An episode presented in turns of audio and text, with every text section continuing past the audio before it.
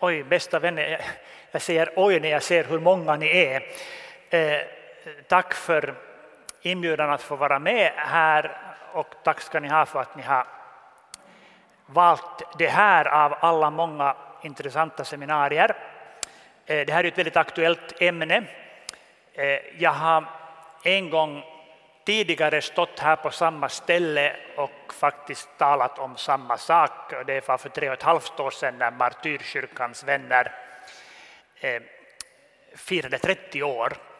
Eh, och då var situationen för de kristna i Mellanöstern väldigt allvarlig och idag är den ännu värre. Eh, så är det tyvärr. Men jag ska börja, börja jag, jag ombads att säga lite presentera mig själv också. Eh, jag har alltså en bakgrund som, som teolog, religionsvetare eh, och har en universitetsbakgrund vid Åbo Akademi och vid Lunds universitet.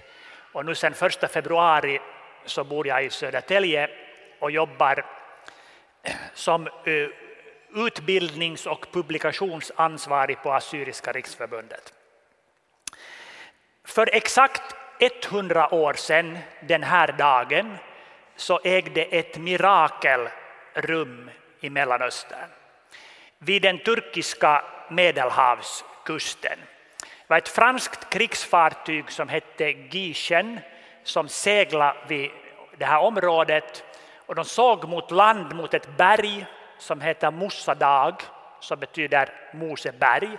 Och de såg att det låg en stor röda korsflagga uthängd på bergvägg, bergsväggen mot, mot vattnet. Och de undrade förstås vad det var fråga om och styrde närmare. Och när de närmade sig land så såg de att det var två män på stranden som hoppade i och började simma ut mot fartyget. När de kom fram till fartyget så drog man upp de här människorna eh, och så kunde de berätta vad det var fråga om. Och de berättade att det fanns sju armeniska byar vid det här berget. Och när de fick ordern om att de ska låta sig deporteras, de ska infinna sig för att förflyttas till ett annat, annat ställe, så då visste de redan vad de här deportationerna innebär. Och därför beslöt de att inte låta sig deporteras frivilligt, utan istället i nattens mörker så tog över 4 000 personer med sig sitt bohag och sin boskap och så drog de upp på berget. Och där på berget så inrättade de då ett, ett minisamhälle där man försökte få allt att fungera. Eh, alltså man skulle kunna laga mat och, och liksom sjuka skulle få vård, barn föddes och så vidare. Och framför allt så organiserade man ett motstånd mot den turkiska armén som attackerade upprepade gånger. Eh, man höll ut i 53 dagar sen kom det här franska skeppet. Eh, de tillkallade andra skepp och hela den här armeniska folkgruppen kunde evakueras och därmed räddas undan folkmordet. Det här hände för exakt 100 år sedan, den 12 september 1915. Eh, det här berättar jag inte bara därför att det är en det är liksom en bra story, det är liksom en dramatisk händelse med dessutom, som dessutom har lyckligt slut. Utan det här berättar jag också därför att jag vill visa att eh, det är inte liksom någonting nytt att det är kaotiskt och svårt i Mellanöstern. Och det att de kristna är speciellt utsatta, det är liksom ingenting som började för, för fyra år sedan eller för tolv år sedan. Det har pågått länge. Eh, men just nu är det, är det kanske värre än någonsin. Och jag vill börja med en sån här liten eh, brasklapp här på det sättet att eh, det som jag säger nu det kommer att låta väldigt alarmistiskt. Och det beror på det att situationen är väldigt alarmerande. Men den är inte lika illa överallt. Det varierar naturligtvis från land till land. Och det finns också kristna i Mellanöstern som lever normala liv. Precis som vi. De stiger upp på morgonen, de skickar sina barn till skolan, de går på jobb. De har eh, som korrekta, kanske till och med goda eh, relationer till sina muslimska grannar och till sina muslimska eh, arbetskamrater och så. Det finns också de här liksom öarna, fickorna av normalitet i Mellanöstern. Allt är inte bara krig och elände och kaos. Eh, det, det är skäl att minnas det. Eh, men väldigt mycket är krig och elände eh, och kaos dessvärre. Okej, det är underbart att solen skiner, men det får den konsekvensen att det blir lite ljust här, men att ni ser kanske i alla fall bilderna. Och här är ju då en, en karta av Mellanöstern. Jag har själv huvudsakligen ägna mig åt den här, liksom, det här kärnområdet i Mellanöstern, det vill säga Egypten, Libanon, Syrien, Irak, Jordanien, Israel, Palestina och så. Och det kommer det mesta att handla om här också, men jag ska också eh, sen, senare säga någonting om arabiska halvön. Eh, det här är ju ett, ett område som liksom inte på något sätt nytt kristet område, tvärtom. Det var ju här det började. Alltså, innan kristendomen hade kommit till Europa så hade den börjat redan här i Mellanöstern. Eh, så de, här, de kristna som finns idag eh, eh, de, är ju, de har ju varit kristna i, i oerhört länge. De värnar liksom den äldsta kristna traditionen. Och de är inte så få ändå kvar. Nu är det så här att, att när man försöker beräkna hur många kristna finns det i Mellanöstern så liksom ingen vet. Det var en, det var en holländsk missionär i Egypten, han höll på i 40 år och det här pratade med folk och myndigheter och, och förde statistik och gjorde undersökningar för att han, han skulle äntligen slå fast det här som ingen var riktigt säker på, att hur många kristna finns det i Egypten? Och efter 40 år så gav han upp. Eh, det, det är väldigt svårt att veta. Men en bedömning skulle säga då kanske något mellan 12 och 15 miljoner, av vilka hälften i, eh, i Egypten och resten i övriga länder. Dessutom finns här eh, flera miljoner eh, gästarbetare, alltså människor som inte är infödda i de här länderna i Mellanöstern men som gästarbetar där på arabiska halvön. Det ska jag återkomma till. Eh, nu har vi en uppfattning om att de kristna i Mellanöstern de minskar väldigt dramatiskt. Och det är både sant och falskt. Eh, Om vi ser lite längre perspektiv så, så har de minskat vad det gäller liksom andel. Men däremot har de ökat i absoluta antal.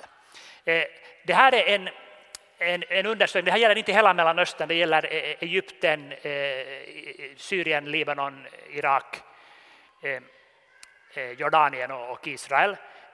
Och där ser man att när det för drygt hundra år sedan var 10 procent av befolkningen kristen så är det idag 5 procent. Så andelen har halverats. Men samtidigt har de kristna ökat i antal eh, ganska ganska mycket också. Det beror på den väldigt stora befolkningsökningen som har funnits där under lång tid. Och nu under de allra senaste åren, eftersom folk flyr för sina liv från Syrien och Irak, så tror jag att de kristna har minskat också i absoluta antal. Men i alla fall, i det långa perspektivet så har de kristna inte blivit färre, de har blivit svagare. Deras inflytande i samhället har minskat. Men till antal är de alltså ganska, ganska många fortfarande. Eh, de allra flesta kristna i Mellanöstern är det som jag skulle kalla för gamla kristna. Det vill säga, Eh, de är, födda, de är födda som kristna, deras föräldrar har varit kristna liksom i generationer. Och de tillhör de här gamla kyrkorna i Mellanöstern. Eh, och hit hör alltså kyrkor som är ofta lite främmande eh, för oss i vår europeiska tradition alltså den syrisk-ortodoxa kyrkan, den koptiska kyrkan i Egypten. Det finns en kyrka som kallas för den melkitiska kyrkan. Det finns maroniter framförallt i, i, i Libanon. Eh, den östra syriska kyrkan det är den som, som vi här i Europa felaktigt har kallat för den, kallat för den nestorianska kyrkan. Och så. Eh, det här är alltså kyrkor som hör till en, en kyrko... Alltså vi, vi tänker ju ofta det här protestanter, katoliker och ortodoxa, det är de här tre huvudgrupperna. Men inom den ortodoxa kyrkofamiljen så är de här så kallade orientaliska ortodoxa. Inte bysantinsk ortodoxa som i Ryssland, och Rumänien och Grekland utan orientalisk ortodoxa. Eh, men i alla fall, eh, om ni lite undrar på att, att hur går liksom kyrkolivet, församlingslivet till och gudstjänstlivet till så, så är det åt det ortodoxa hållet eh, definitivt. Och, och, som sagt, eh, det här är, en ur, det här är urgamla kyrkor. Eh, alltså till exempel den koptiska kyrkan räknar med att det var evangelisten Markus som var den första patriarken av Alexandria som redan år 62 grundade den här kyrkan. Alltså inte 1962 utan år 62. Eh, okej, okay. sen finns det ett annat fenomen och det är då eh, vad vi kan kalla de nya kristna. Så de som inte är födda kristna och som i regel heller inte tillhör de här gamla etablerade kyrkorna. Eh, speciellt under senare, ska säga, de senaste 10-15 åren så är det kanske hundratusentals, kanske miljoner, ingen vet säkert, eh, muslimer som har kommit till tro, som har blivit kristna. Eh, och eh, om de kristna, liksom alla kristna i Mellanöstern har det svårt, så just de här konvertiterna, eh, forskningen kallar de här för MBBs, Muslim Background Believers, de har det speciellt svårt. Därför att religionsfrihet enligt islam går ut på detta att om du är eh, monoteist och tillhör bokens folk, det vill säga kristen eller jude, så har du rätt att ha din religion. Är du född som kristen så har du rätt att vara kristen. Och du har rätt att utöva din religion fritt. Ingen ska hindra dig och ingen ska liksom, eh, attackera dig för den här sakens skull. Eh, om du som kristen då vill liksom bli muslim så är det också helt okej. Okay. Men den som är född muslim får inte lämna islam för att till exempel bli kristen. Det är inte tillåtet. Och enligt islamsk rättstradition, det finns alltså i islam finns det fem sådana rättsskolor, traditionella rättsskolor där man har utvecklat den här jurid, liksom, eh, den islamiska rätten, det som kallas för sharia. Och, och de är lite olika.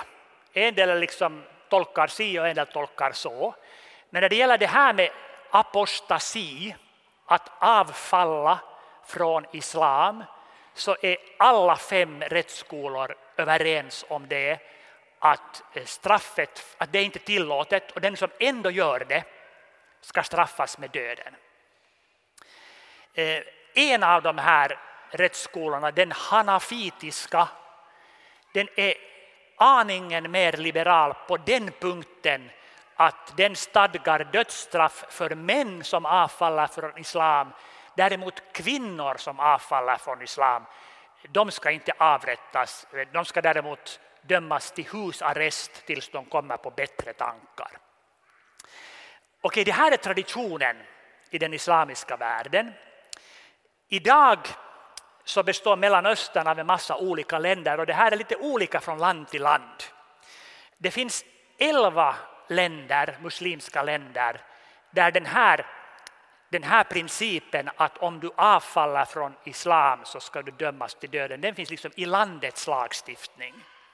I de här länderna kan alltså myndigheterna komma till en sån här människa och sätta, arrestera honom och sen ställa honom inför rätta och i, och i värsta fall eh, döma personen till döden. I andra länder så bryr sig inte eh, myndigheterna om vad som händer. Men där brukar personer som avfaller från islam eh, få problem med sin familj. Därför att det blir då en hederssak. Alltså, en familjemedlem som till exempel blir kristen drar alltså skam över hela familjen. Mycket, mycket mer än vad en tonårsflicka gör om hon börjar dejta fel pojkvän. Och också det kan få ganska allvarliga konsekvenser, som ni vet. Så, så det här, också i de länderna där man inte behöver vara rädd för myndigheterna så kan det finnas skäl till att vara rädd för familjen. Och det som vanligtvis händer är att man blir utstött av familjen. Familjen säger att alltså, familjen försöker ju först vädja till den här personen.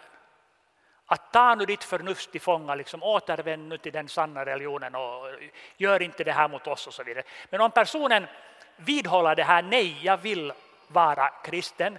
Så det vanligaste som händer är att familjen helt enkelt eh, tar avstånd, fryser ut och säger okej, okay, då betraktar vi dig som, som död. Du är inte en del av familjen, vi vill inte ha någonting med det att göra, visa dig aldrig här. Eh, i värsta fall så försöker den här familjen eh, ta livet av den här personen. Det finns talrika exempel på att, att det har hänt, men det vanligaste är att man bara förskjuter den. Och så finns det liberalare familjer som inte har så strängt på det här och de fortsätter att ha kontakt med det här familjens svarta får så att säga. Eh, men för de flesta blir det problem. Alltså det här.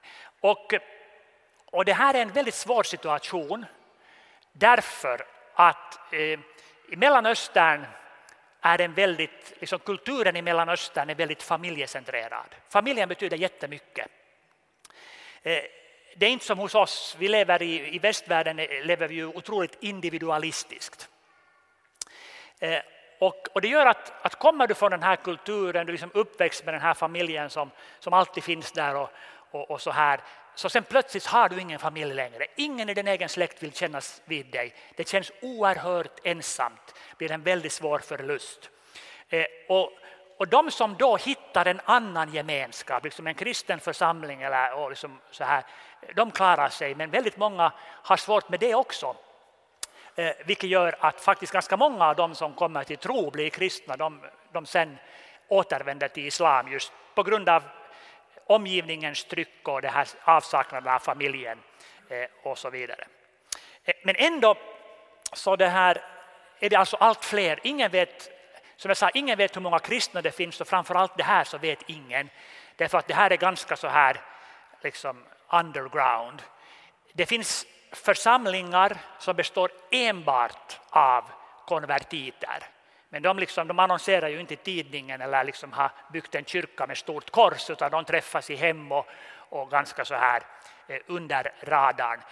Eh, men det är uppenbart att det handlar om ganska många människor.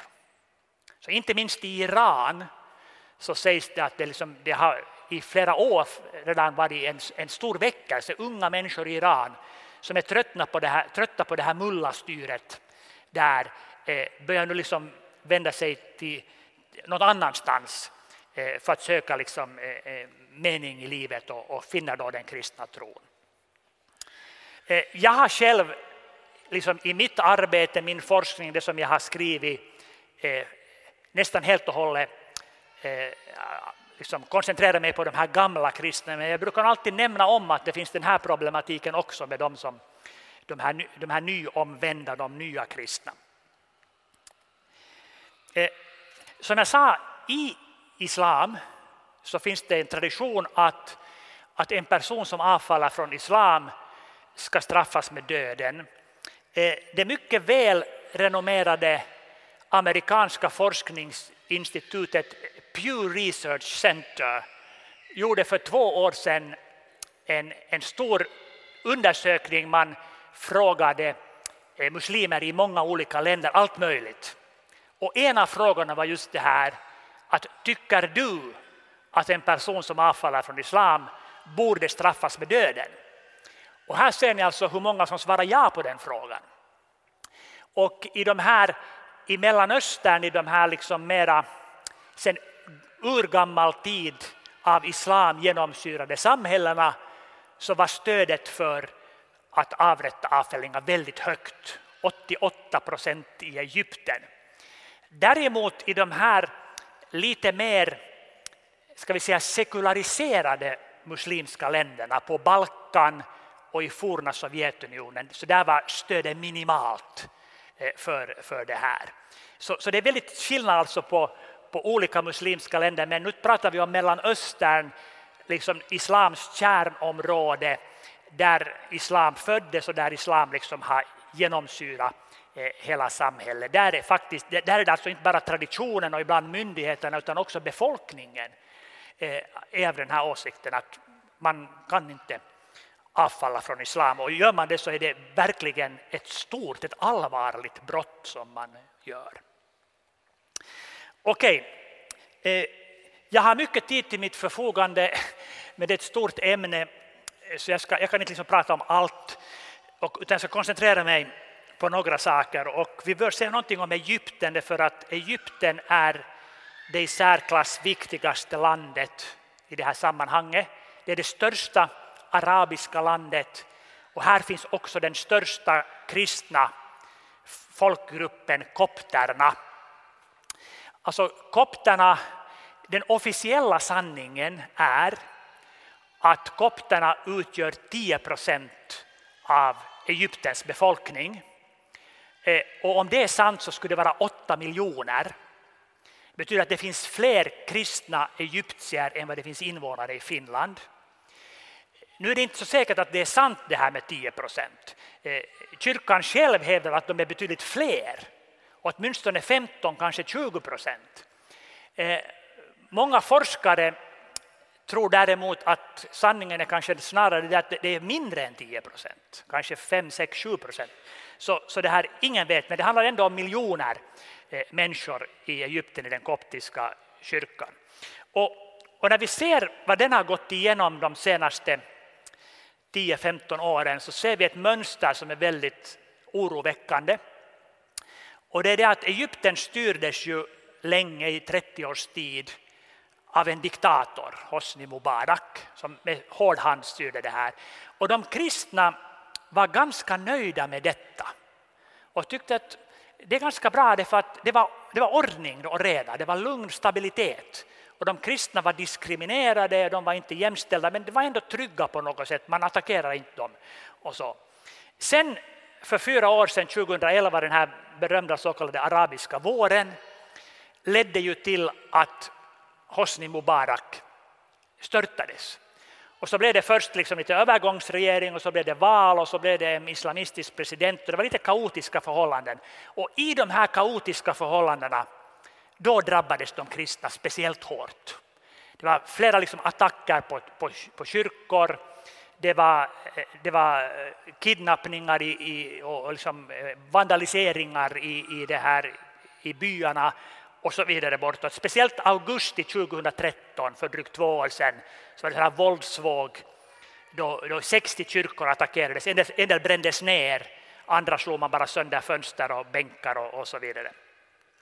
Eh, och, och, och, det här aktualiserar det här problemet att, att i många länder i Mellanöstern så har, har de kristna stött de här diktatorerna inte för att de gillar diktaturer, inte för att de skulle ha något liksom, eh,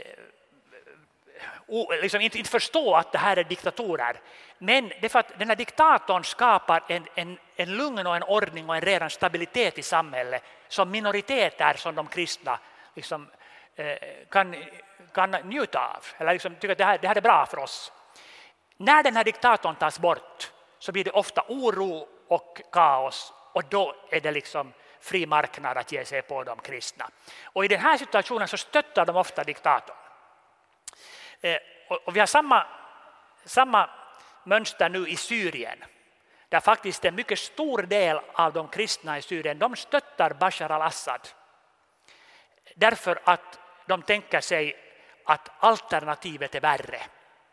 Om han faller så blir det kaos eller så kommer de här extremisterna till makten och då är det illa med oss ute med oss. Så man investerar i att politiskt stöd till diktatorn. Eh, och det är förståeligt.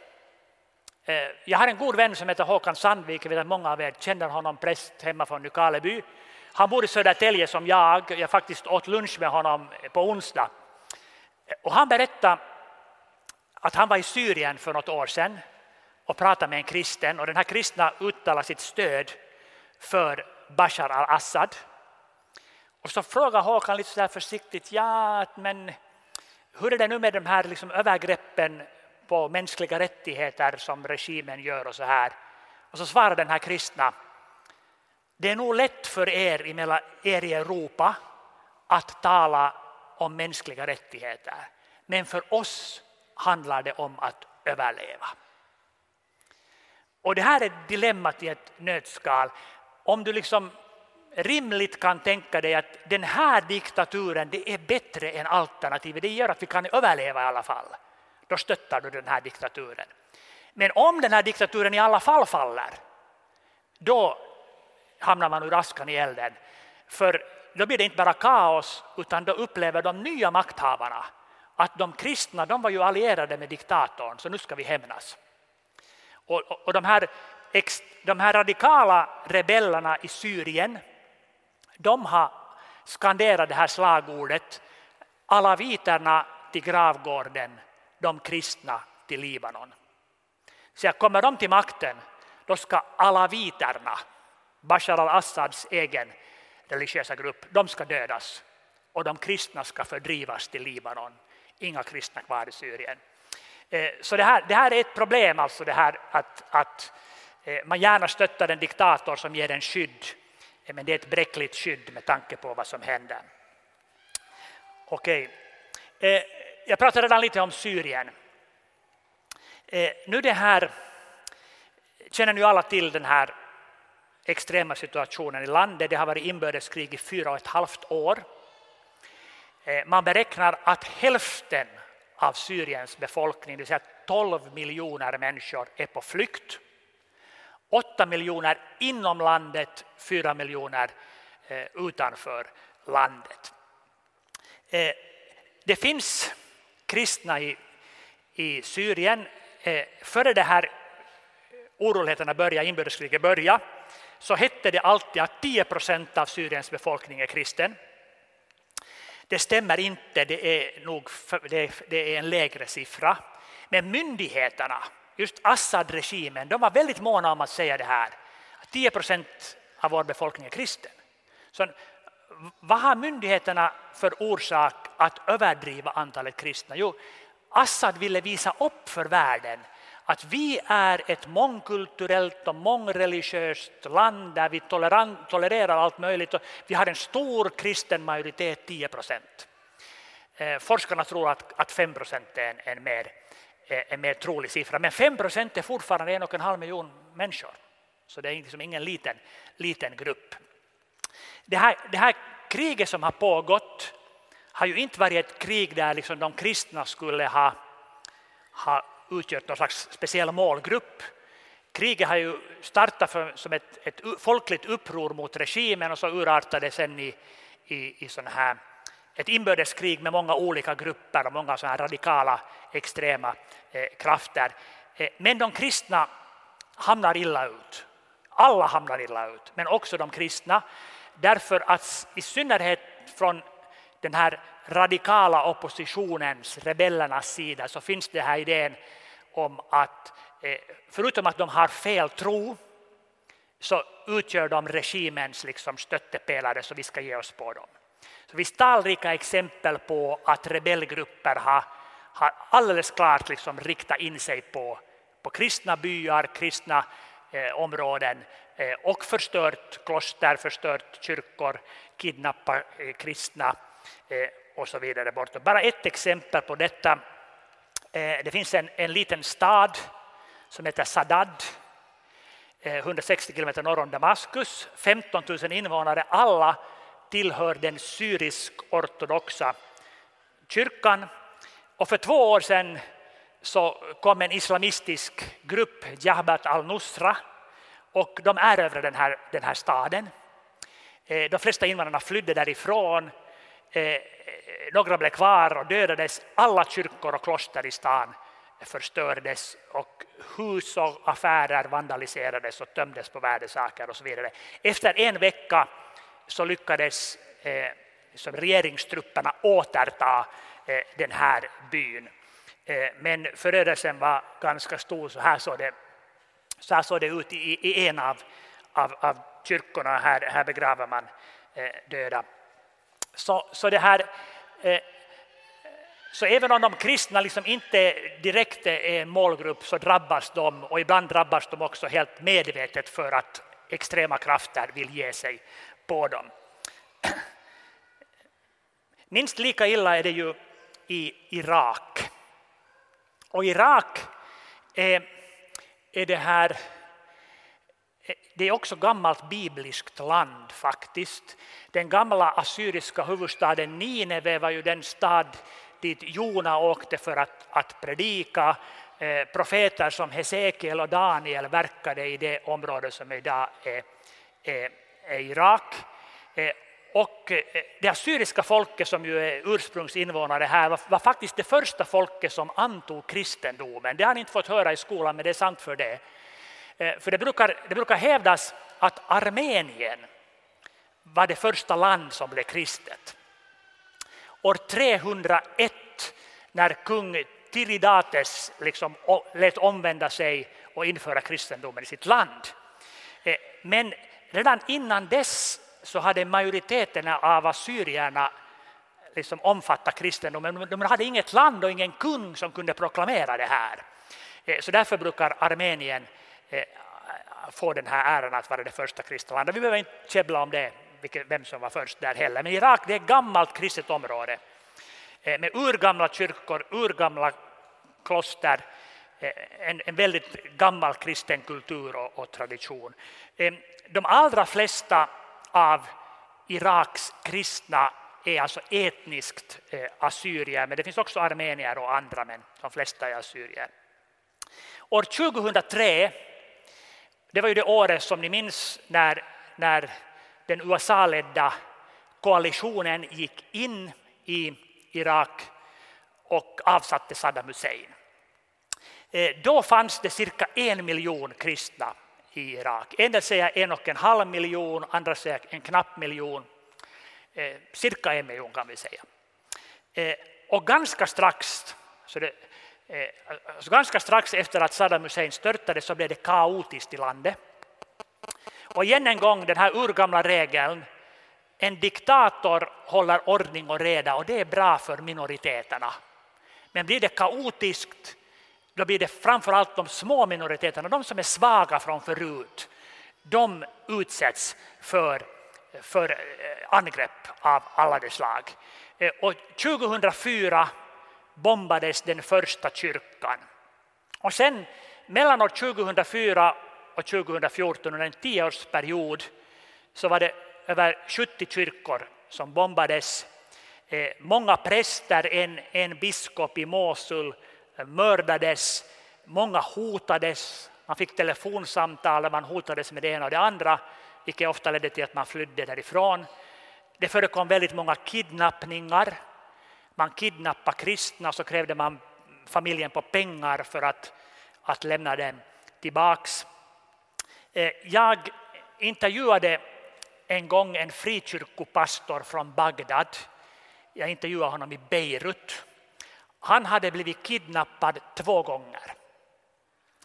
Eh, och eh, intressant nog, vardera gången, så de som kidnappade honom var inte radikala islamistiska extremister som liksom ville liksom göra någonting illa mot de kristna, utan det var vanliga kriminella människor som bara ville ha pengar. Eh, och så krävde de alltså det här pengar av familjen för att släppa honom. Eh, nu hade han tur den här pastorn på det sättet att han hade en bror som var en framgångsrik affärsman. Så de hade faktiskt pengar att betala.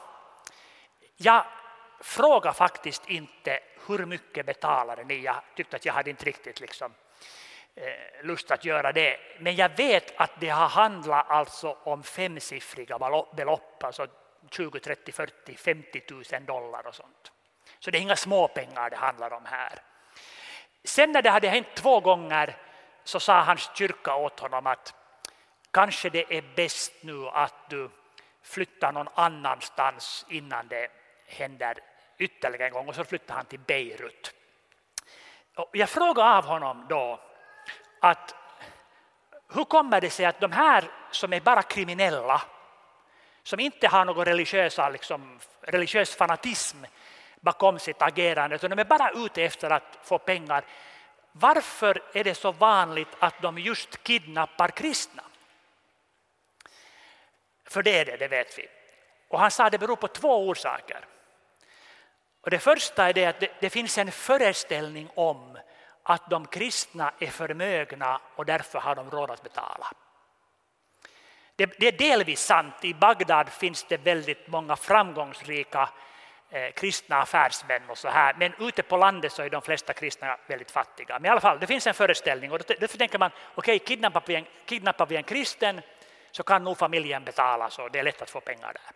Den andra orsaken, sa han, var detta så att de vet att de kristna inte hämnas. För i Irak, om du en kriminell grupp kidnappar en muslimsk man eller kvinna eller barn eller vad som helst, en muslim och kräver pengar för att släppa det här eh, gisslan så kan de här kriminella vara säkra på att den här kidnappades familj, släkt, klan kommer att göra allt den kan för att hämnas den här eh, smäleken som den har blivit utsatt för. Kidnappar du däremot en kristen så kan du vara säker på att de kristna kommer, den kristnas familj kommer inte att göra någonting annat än att försöka få ihop pengarna och betala och är bara glada att få tillbaka människan levande. De kommer inte att liksom jaga efter att hämnas. Så, så de kristna utgör på det sättet det som på engelska heter soft targets. Alltså det, det, det är lätt att ge sig på dem, riskerna är, är små. Okej, så det här har pågått länge. Det har gått lite i vågor, det har varit lugnare perioder, oroligare perioder, men det har pågått i, i tio eller 11 år. Och det gjorde att väldigt många kristna flydde landet. Ingen vet hur många, men många. Helt säkert en majoritet. Så det är kanske 300 000 kvar idag från den en miljon som fanns för inte så länge sedan. Sen kom förra sommaren 2014. Eh, den 10 juni erövrade Isis eh, staden Mosul. Det fanns inte, en gång i tiden, alltså för, på Saddam Husseins tid, fanns det 50 000 kristna i Mosul. Eh, förra sommaren var det betydligt färre och de flesta flydde direkt därifrån. Några veckor senare så utropade Isis det här så kallade kalifatet och bytte samtidigt namn och sa att nu heter vi bara IS, Islamiska staten. Eh, sen eh, förstörde man också Jonas grav. Profeten Jonas, profeten Jona, finns ett ställe i Mosul som utgjorde, som man sa att här är hans grav. Och den förstörde man. Trots att Jona liksom vördas också inom islam som en profet. Men det här är ju liksom en sån här extremrörelse som tycker att man ska inte vörda någon person överhuvudtaget, inte ens profeterna. Så de kom liksom med sina släggor och slog sönder det här. I, i mitten av juli, de få kristna som fanns kvar fick sina husväggar markerade eh, med målfärg, eh, den arabiska bokstaven N. Och man sa åt dem nu lever ni i en islamisk stat och vi följer islamiska principer.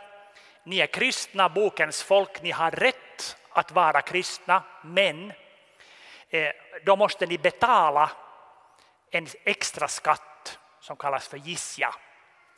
Eh, så nu, nu står ni inför det här, antingen konverterar ni till islam så betalar ni den här skatten, gissjan, eller som det heter på engelska, face the sword liksom mötsvärdet.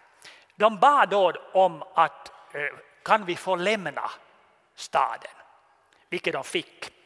Och alla kvarvarande kristna eh, lämnade sina hem och lämnade Mosul. Men man sa åt dem, ni får ta ingenting med er. De fick alltså inte ta sina bilar, de försökte köra med bil ut från stan men de hade checkpoints på alla utfartsvägar. De fick stiga ur bilen och lämna bilen där. Inga väskor fick de ta med sig, endast kläderna de hade på sig. Eh, kvinnor sa att de slet liksom öronringar ur, ur öronen på, på folk. Det var en, en man som berättade att hans sexåriga son hade en hörapparat och de tog batteriet från hörapparaten. Och sen vandrade de ut därifrån med det här med bara sina kläder eh, på sig. Eh, det fanns 45 kyrkor och kloster i stan eftersom de kristna hade lämnat stan så behövdes de till ingenting.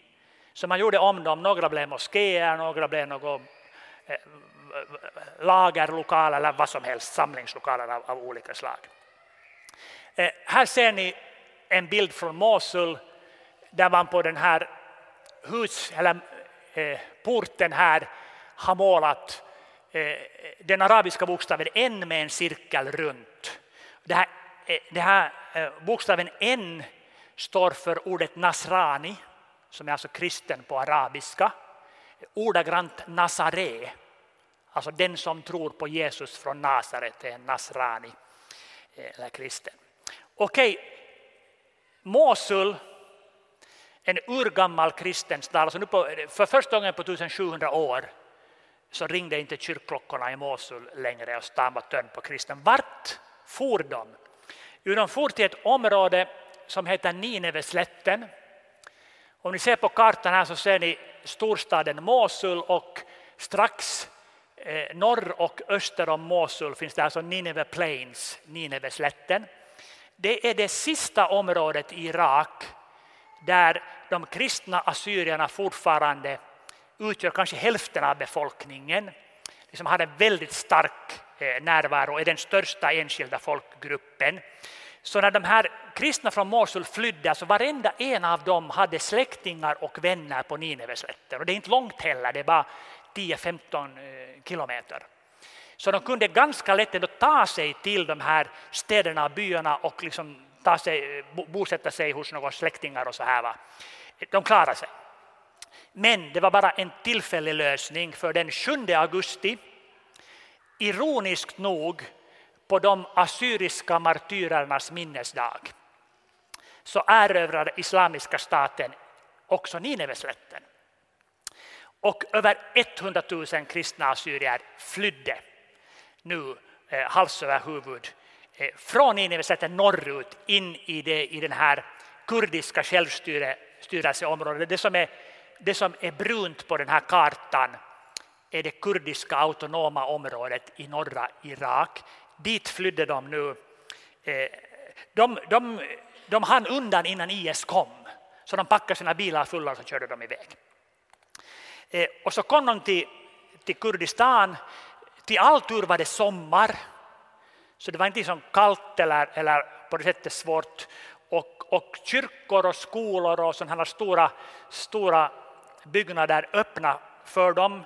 Eh, och här ser ni alltså folk som, som sover i en, i en kyrka. Eh, också utomhus kunde man vara eh, vid den här, på den här årstiden, så en del övernatta på, på kyrkgården, eller kyrkans gård. Och så slog man upp sådana här tillfälliga ja, tältläger kan man säga, där man, där man bodde. Eh, nu börjar jag med det här som hände för hundra år sedan. Och den här mirakulösa räddningen av armenierna vid Mossadag. Och I det här folkmordet för hundra år sedan så var det inte bara armenier som drabbades utan alla kristna folkgrupper i det osmanska riket. Armenier, assyrier och greker.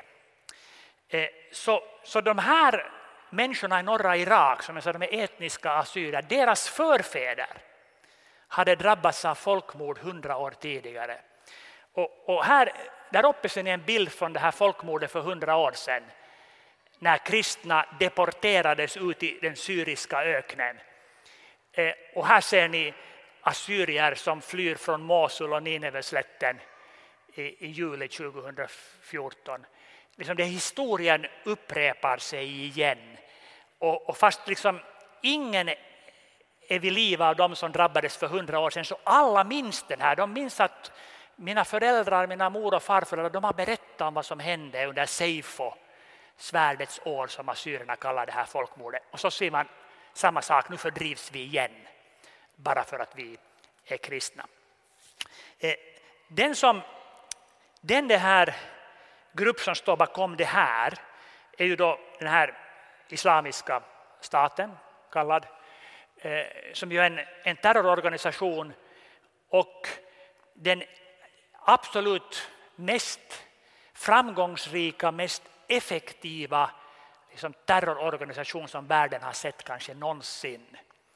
De styr ju över ett område som är stort som Storbritannien i Syrien och Irak. Det sägs att 6 miljoner människor lever under Islamiska statens styre. Och de lyckas klara av att liksom driva den här staten. Det vill säga sådana här saker som vattendistribution och eldistribution och sånt här fungerar ändå någorlunda. De har alltså eh, administratörer och tekniker och ingenjörer och saker som kan hålla den här samhällsapparaten igång på något sätt. Så de har varit överraskande framgångsrika på slagfältet. De har klarat av att faktiskt eh, driva en stat. Eh, men samtidigt så har de ju slått världen med häpnad och förskräckelse genom sin extrema brutalitet som de dessutom gör ingenting för att dölja. Så jag, jag har alltså också folkmordsforskare, jag har sysslat med folkmord. Och på 1900-talet är ju mönstret alltid det att, att när man utför folkmord så vill man göra det i, i, liksom, i skymundan, att ingen får veta om det. Eh, och om det läcker ut några uppgifter så förnekar man alltså, nej, nej det stämmer inte, vi gör, vi gör inte sånt här. Och så har vi Islamiska staten som är precis tvärtom. De filmar själv sina övergrepp, så lägger de ut dem på Youtube så hela världen kan se. Eh, de försöker alltså inte dölja brutaliteten. Och det här är ju en del av den eh, psykologiska krigföringen. Så Islamiska statens fiender blir rädda när de ser det här. De vet vad som kan hända dem och, och, och darrar inför det här. Alltså det är ju terrorism, terrere betyder att darra, liksom. man, man injagar skräck Eh, hos, hos folk. Det här hände alltså förra sommaren. Eh, väldigt lite har tyvärr ändrats sedan dess. Det har varit lite slag fram och tillbaks. Islamiska staterna erövrar någon stad i Irak och de har förlorat Kobane i Syrien och så vidare. Men till exempel Mosul och Nineveslätten är fortfarande ockuperad. Och de här som flydde då, de lever fortfarande flyktingliv. Det har gått över ett år, de har inrättat sig där i Kurdistan, de får hjälp av kyrkor och biståndsorganisationer, barnen går i skola och så vidare. Och de väntar på att deras hembyar ska befrias så de kan återvända hem. Och frågan är hur länge orkar de vänta? Och en del har redan slutat vänta, de har tagit sig till Jordanien eller Libanon eller någon annanstans. Eh, men de flesta väntar fortfarande. Eh, men tyvärr eh, så, så ser det, det, ser inte ut som det skulle hända någon dramatisk vändning i det här kriget mot Islamiska staten. Att Mosul skulle befrias eller, eller Nineveslätten skulle befrias. Eh, men det återstår att se. Okej, det här var lite om Irak och före det Syrien. Det här är de här dramatiska sakerna som vi hör om. Alltså bombas en kyrka, Eh, kidnappas eh, en massa människor och så vidare. Så då står det till och med i våra tidningar om att det här har hänt där nere. Eh, och det här har hänt väldigt mycket i, i Syrien och Irak, i viss mån också i, i Egypten under den här övergångstiden efter Mubaraks fall. Men det som inte är lika dramatiskt, som inte skapar något som helst rubriker, men som pågår där varje dag, det är de här små sakerna. Liksom vardagstrakasserierna som kristna får uppleva i, i, i större och mindre grad ska sägas. I, I många länder som kristna kvinnor går utomhus utan hijab, slöja, så blir de trakasserade av, av andra. Eh, I många länder finns det, har de kristna egna skolor som ofta är landets bästa skolor och lockar till sig också väldigt många muslimska elever. Men i många länder så måste de kristna barnen gå i statliga skolor. Och där är det inte alls ovanligt att läraren öppet inför eleverna kan håna de kristna eleverna för deras tros skull. Det kan också hända att de tvingas delta i islamisk religionsundervisning fast de egentligen inte borde behöva göra detta. I, I arbetslivet är det vanligt att kristna diskrimineras. Till exempel i Egypten, det har funnits enstaka, om ni som är lite äldre minns att det fanns en, en generalsekreterare för FN som hette Butros Butros Ghali. Och han var kopt. Så just inom diplomatin har kopterna kunnat göra karriär. Men annars inte i den statliga administrationen. Det har inte funnits en enda general, inte en enda universitetsrektor eller något sånt Eh, som har varit kopt. Det finns liksom ett klart glastak för de kristna i, i arbetslivet. Eh, kyrkor och församlingar har problem med statlig byråkrati. Alltså I Egypten ända fram till de senaste två åren har det i praktiken varit omöjligt att få tillstånd att bygga en ny kyrka. Det har inte varit liksom olagligt, så man har alltid kunnat ansöka om tillstånd, men man har nästan aldrig fått det. Liksom den här ansökan har bara försvunnit i, i, i byråkratin och inte ens mutor har hjälpt, utan, utan eh, det är omöjligt. Församlingslivet övervakas av polis. Så det är väldigt vanligt vid gudstjänsterna att det sitter någon i publiken som är från Säkerhetspolisen för att kolla att, att inte man säger någonting som, som det här som skulle vara misshagligt. Eh, och så finns det en, en bristande rättssäkerhet. Alltså om, om en kristen hamnar i en rättsprocess mot en muslim så det spelar ingen roll vem som har rätt. Alltså domstolen brukar av eh, gammal vana liksom döma till muslimens eh, fördel. Det finns många sådana här små saker som pågår år efter år. Och det, är liksom, det, är inget, det är inte något hemskt stort och besvärligt, man klarar av det, men man, man lever år efter år och upplever det här. Jag är en andra klassens medborgare i mitt eget land bara på grund av min tro. Så det är klart att någonstans dyker det upp den här tanken, kanske det skulle vara lättare om vi skulle leva någon annanstans och så emigrerar man.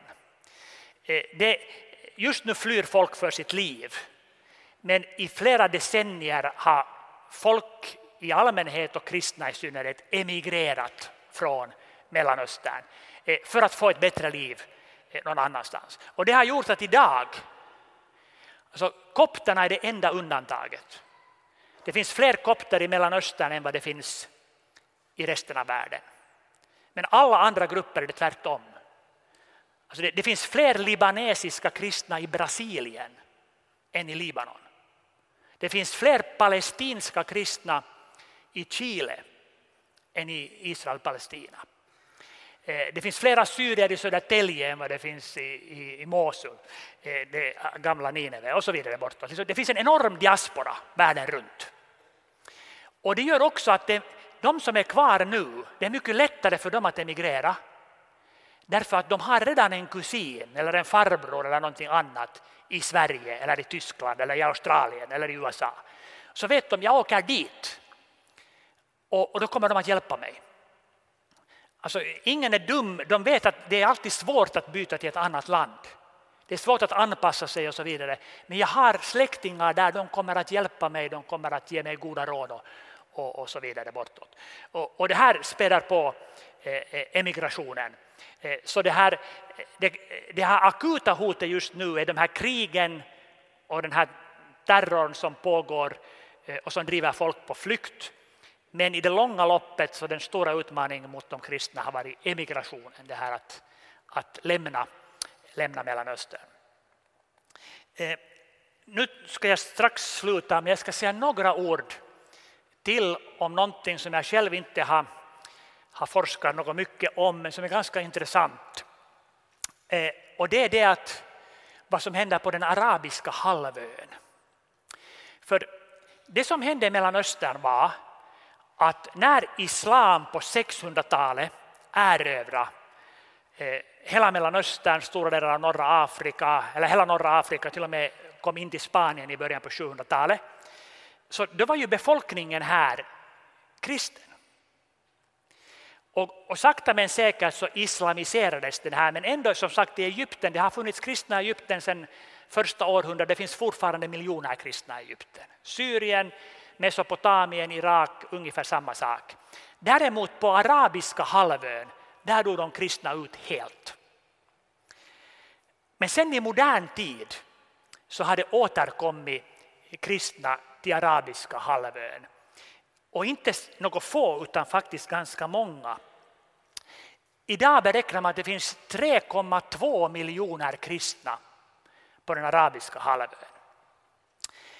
Eh, och det är mer än vad det finns i Syrien, och Libanon och Irak tillsammans. Eh, det är mer än nästan i hela Mellanöstern med undantag av Egypten. Eh, så det här är en stor grupp människor. Men de här är så gott som alla, över 99 procent av dessa, är gästarbetare. De kommer från Indien, från Filippinerna, från Afrika, från många olika håll. De flyttar till Saudiarabien, till Qatar, till Dubai, till Oman och så jobbar de där som gästarbetare. Och de blir ju väldigt illa behandlade. Inte för att de är kristna, men för att de är gästarbetare. Också de icke-kristna gästarbetarna behandlas illa. Alltså, de som flyttar dit de gör det mesta jobbet, fysiska eh, grovjobbet i det här landet. Eh, men de har, väldigt, de har inga rättigheter. De måste ha en beskyddare som oftast är deras arbetsgivare. Och om beskyddaren drar bort sitt beskydd så åker den här människan ut. Så vet, våra anställda har kollektiva avtal som skyddar dem, de har fackföreningar som skyddar dem. Om en arbetsgivare sparkar dem kan de söka jobb hos en annan arbetsgivare. Ingenting av det här arabiska halvön för gästarbetare. Om din arbetsgivare blir sur med dig så åker du ur landet. Du kan inte gå och skaffa dig en ny arbetsgivare utan out. Eh, en del arbetsgivare behandlar sina anställda gästarbetare väl. Väldigt många behandlar dem väldigt illa. Väldigt många kvinnor som jobbar som hemhjälp och städerskor och så här blir sexuellt utnyttjade av sin arbetsgivare och så vidare. Och det går ju inte att klaga, det går inte liksom att gå till domstol och kräva sin rätt, alltså, utan det bita ihop tänderna, fortsätta och skaffa pengar som man skickar till familjen där hemma eller out. Och det här har uppmärksammats på senare år ganska mycket, framför allt därför att det ska bli fotbolls-VM i Qatar. Och de bygger den ena fansiga stadion efter det andra. Och de som bygger det här, de som gör jobbet, är ju gästarbetare. Under väldigt dåliga förhållanden, väldigt riskabla förhållanden, väldigt många som dör i arbetsplatsolyckor. Och här har alltså Amnesty, Human Rights Watch har drivit lite kampanj för att det här det måste bli bättre, annars, annars måste fotbolls-VM flyttas. Och då har Qatar lite liksom, eh, kommit till mötes och, och underlättat eh, för, för förhållandena. Men i alla fall, gästarbetarna har en väldigt besvärlig eh, situation.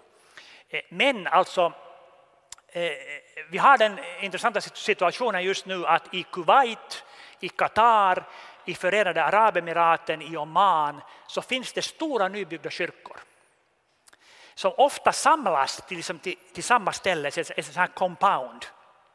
Och här vi har den katolska kyrkan, den koptiska, den anglikanska, och där bredvid varandra.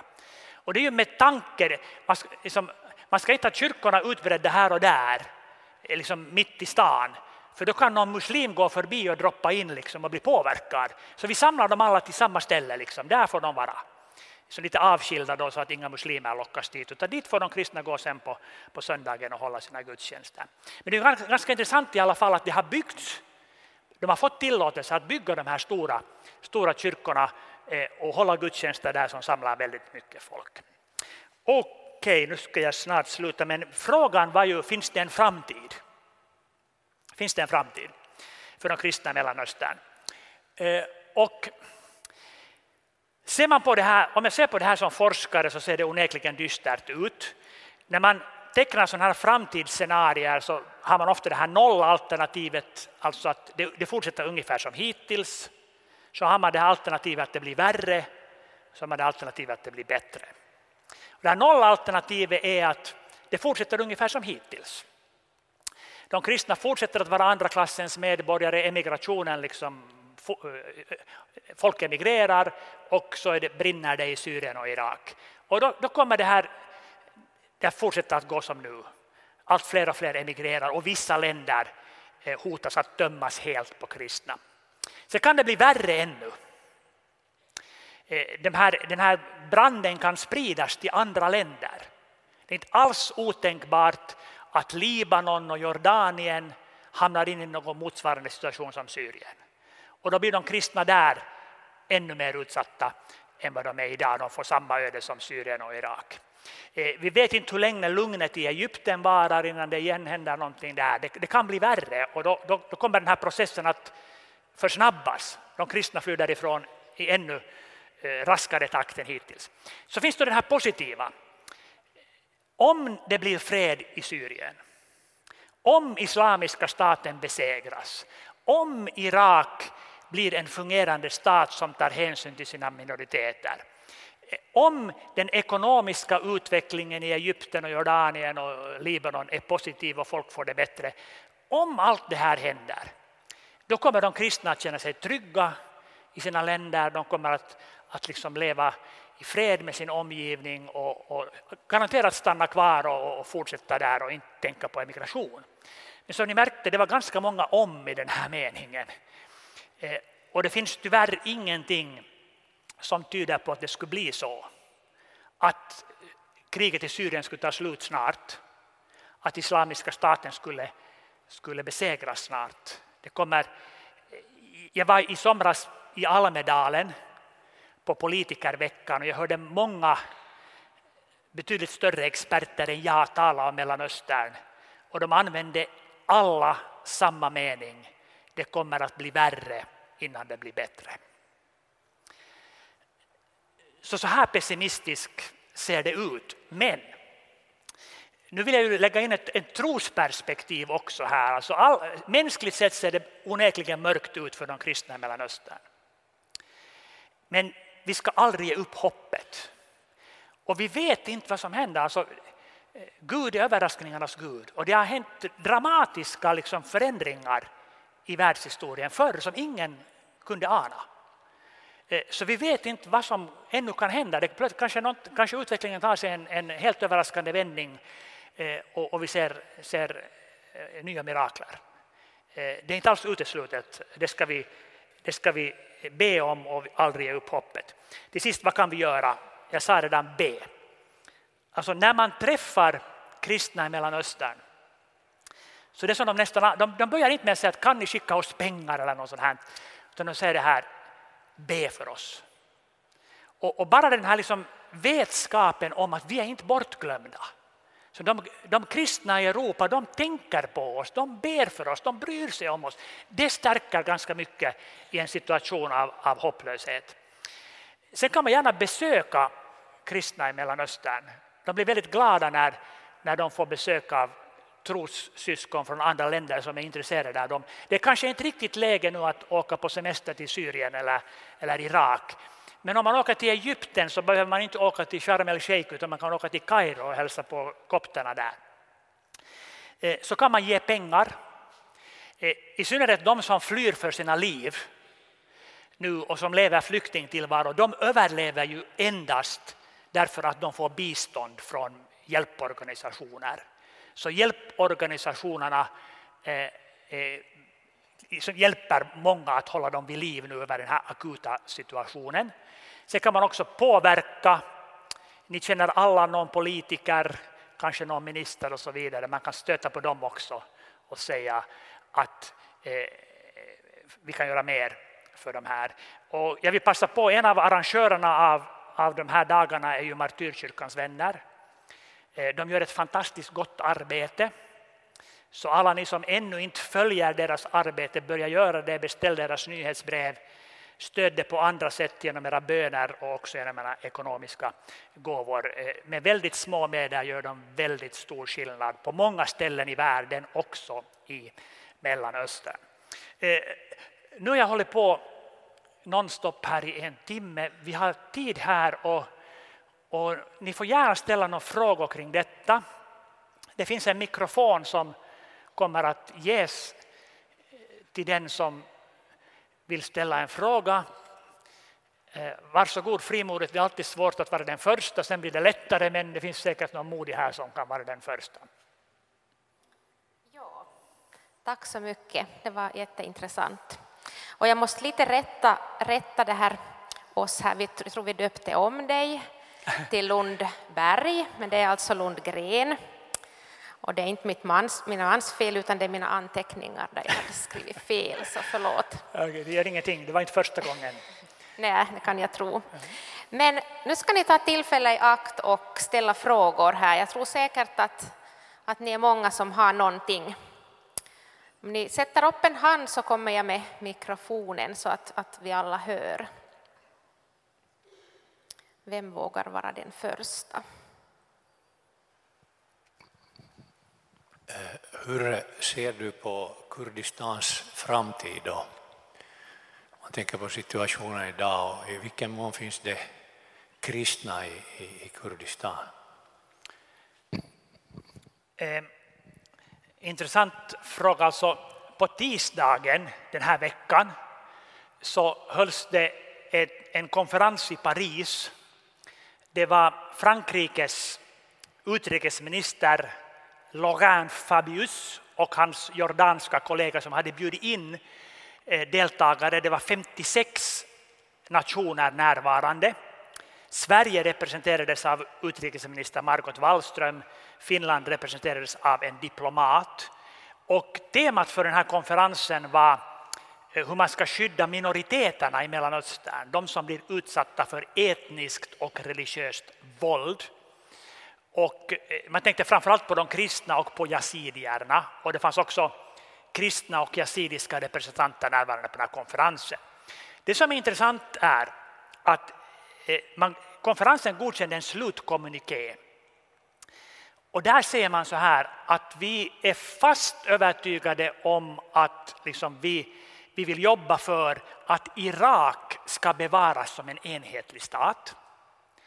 Däremot sa man, och sen heter det, vi önskar att Syrien ska bevaras som en enhetlig stat. Så i det ena fallet var man alltså liksom totally dedicated som det hette. Eh, och det andra sa man bara vi önskar. Med Syrien så verkar det som om världssamfundet redan skulle ha gett upp. Det kommer inte att finnas ett enhetligt Syrien längre fram. Landet kommer att delas upp. När det gäller Irak så vill världssamfundet fortfarande att Irak ska förbli ett, ett enhetligt land. Och till exempel kurderna i norr ska inte få en, en självständighet. Eh, och det är världssamfundets åsikt. Jag tror ju att kurderna ändå i något skede kommer att proklamera självständighet i norra Irak. Och jag tror inte att världssamfundet kan hindra det heller. Eh, i, i norra Irak, Kurdistan, där det, det, är ju nästan i praktiken redan ett självständigt land. De har en egen president, de har en egen regering, de har ett eget parlament, de har egen armé. Eh, de har, men, men juridiskt, officiellt är de en del av Irak och har irakisk valuta och så, men, men på många sätt är det ett eget land. Om det är bra eller dåligt för de kristna, eh, det är... Alltså i Kurdistan har de kristna ju haft det mycket, säkerhetssituationen har varit bättre. De kristna har haft det mycket bättre eh, än i andra delar av, av, av det här Irak.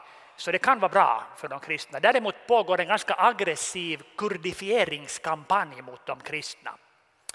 Eh, eh och man vill kurdifiera dem och så. Eh, men, man vill, men de, får, de får fortfarande vara kristna alltså, men, men man vill etniskt kurdifiera dem. Så, så det är inte oproblematiskt. Det är en ganska korrupt det fungerade. säkerhetssituationen är ganska bra, och så, men det är ganska korrupt. Alltså den här presidenten, eh, han har ju varit president, hans mandatperiod gick ut för två år sedan, men han sitter kvar fortfarande. Mahmoud Abbas mandatperiod gick ut för fem år sedan, han sitter fortfarande kvar. Så det, det är ju liksom, eh, det är ett typiskt drag i, i Mellanöstern att, att ingen eh, makthavare avgår frivilligt där.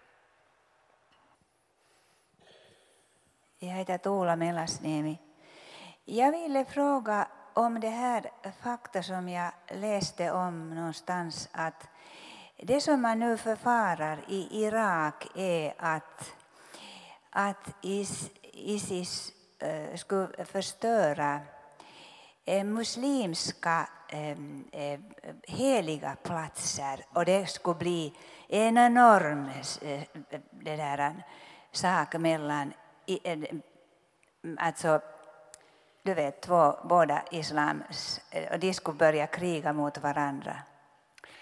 Så är det redan alltså. alltså. alltså det här, eh, Isis, som ju är en extrem organisation, eh, de, de hatar ju liksom icke-muslimer eh, och behandlar dem därefter. Men intressant nog, de hatar shia-muslimer ännu mer än vad de hatar icke-muslimer. Att, att det, finns liksom en, det finns en konflikt mellan shia och sunni som är gammal. Och så finns det vissa kretsar inom sunni-islam som har, har vårdat det här, liksom, att shia-muslimerna är de värsta av alla. Eh, och Isis är ett uttryck för detta. Så, här, så det som händer både i Syrien men ännu tydligare i Irak handlar ju väldigt mycket också om en maktkamp mellan liksom shia och sunni.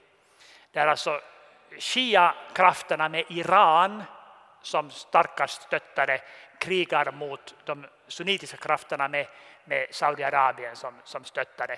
Och, och det här problemet med Irak är det att, att man införde demokrati.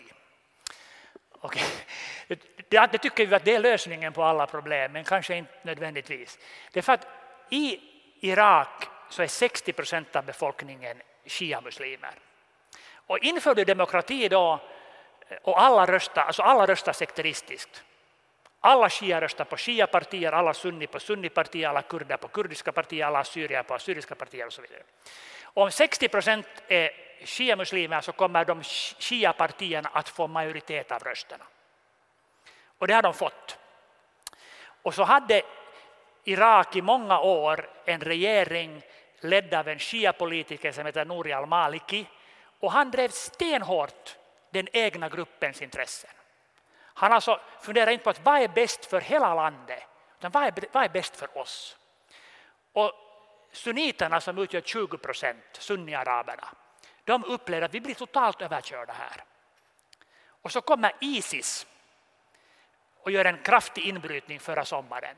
Och då upplever sunniterna äntligen någon som gör någonting för oss. Äntligen någon som försvarar sunniternas intresse och sunniternas ära. Så en massa sunniter i Irak de sympatiserar nödvändigtvis inte med Isis ideologi. Men de tycker att de är de enda som står upp för oss och försvarar oss. Och därför, därför gillar vi dem, vi stöttar dem i alla fall. Alltså.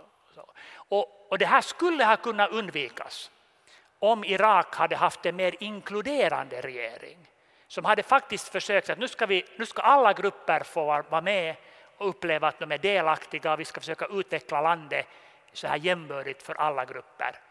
Men när eh, väldigt typiskt i de här länderna, man kör bara sitt eget race, man tittar bara på sitt eget bästa och inte på helhetens bästa. Så sunni shia det är en väldigt klar nyckel till de här konflikterna som pågår.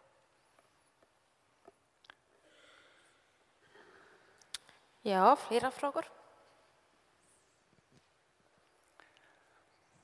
Ja, nu hör ju Israel också till Mellanöstern. Israel, ja. Israel, ja. Och det, där, det heter ju att det är den enda demokratin där. Och hur pass bra har de kristna det där då? För att vi eh, på en resa lärde vi känna att åtminstone Messias troende judar får lov att bygga sina samlingslokaler på områden, på områden där, där det där, som inom fabriksområden som är plank runt omkring för annars blir deras lokaler attackerade av fanatiska judar. Och därför undrar jag hur står det till med, med kristna och messiastroende där? Eh, ja, tack för frågan. Alltså, jag, har, jag har medvetet undvikit att tala om Israel här och därför att det, det, är liksom, det är värt en egen mässa så jag vill inte ta in det här. Men när du frågar så ska jag bra säga. Alltså, Israel är ju eh, ett land i Mellanöstern där de kristna ökar i antal. Eh, men samtidigt det finns det finns liksom åtminstone fyra olika grupper kristna i, i Israel. Den, den största gruppen är de här gamla kristna, alltså de eh, arabiska kristna, palestinska kristna. Eh, det finns ju nästan eh, 1,5 miljoner araber i Israel, alltså inte på Västbanken och Gaza utan i Israel och av dem är 10 procent kristna. Sen finns det de kristna bland de här ryska invandrarna som kom på 90-talet. Alltså efter Sovjetunionens fall så kom det ju en miljoner så kallade judar från Ryssland eller från forna Sovjetunionen som invandrade till Israel. Och många av dessa var inte judar, de var de facto kristna rysk-ortodoxa, en ganska stor grupp. Eh, sen finns det de här som du nämnde, messianska judarna, alltså eh, judar som har kommit till tro på Jesus som Messias och frälsare. Och så finns det för det fjärde eh, de här gästarbetarna. Det finns ju gästarbetare också i Israel från Afrika, från Filippinerna, inte minst från, från Filippinerna. Alltså det här eh, ordet, eh, det, eh, ordet Filippina på hebreiska betyder hushållerska.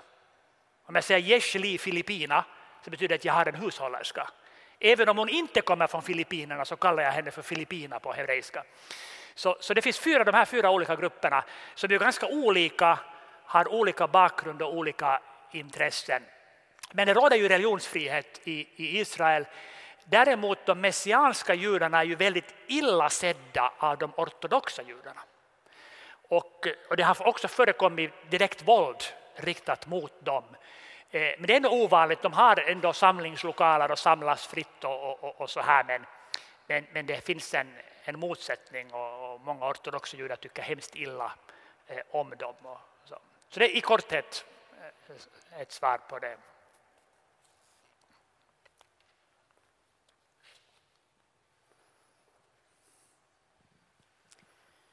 Man får ibland eh, läsa, i synnerhet i kristna nyhetstidningar, så här att det i Iran till exempel skulle vara en betydande väckelse. Eh, hur ser du på de här kristna tv-sändningarna som går ut över hela den här arabiska världen? Jag tänker ja. speciellt nu på Sat7 som vi understöder och deras impact och betydelse här. Ja, det, det, finns, det, det, det, berättas en hel del och skrivs och så här. Det finns också en del eh, bra forskning om det här. Och det är helt uppenbart att det är fler muslimer än någonsin förr som blir kristna nu, också i Mellanöstern. Och Iran, inte minst i Iran faktiskt, äger det rum. Och när man frågar de här människorna eh, vad, det, sen att, vad var det som fick dig att, att liksom börja intressera dig för och så småningom ta steget, så finns det olika svar. Väldigt många eh, har sett Jesus i en syn eller en dröm. Så det här är en del av världen som inte är så sekulariserad som oss och sådana övernaturliga ting är inte alls främmande för, för, för dem. Och jag, jag läste precis i veckan en, en berättelse om en kurdisk kvinna. Så hon såg Jesus i en dröm och, och hennes syster samma sak och så vidare. Så eh, mycket sånt händer. Och sen en annan sak är just det här att man har sett de här kristna tv-sändningarna. Och så har man blivit nyfiken och intresserad och så har man tittat mera och så har man kanske småningom tagit kontakt med någon och, och på den vägen är det. Så att, att de, här, de här kristna tv-sändningarna har en stor betydelse. De har en stor betydelse för de som är färdigt kristna. Att de får uppmuntran och stöd och undervisning. De har också betydelse för att, att det, det, det lockar många muslimer till att bli nyfikna och, och eh, ta reda på mera.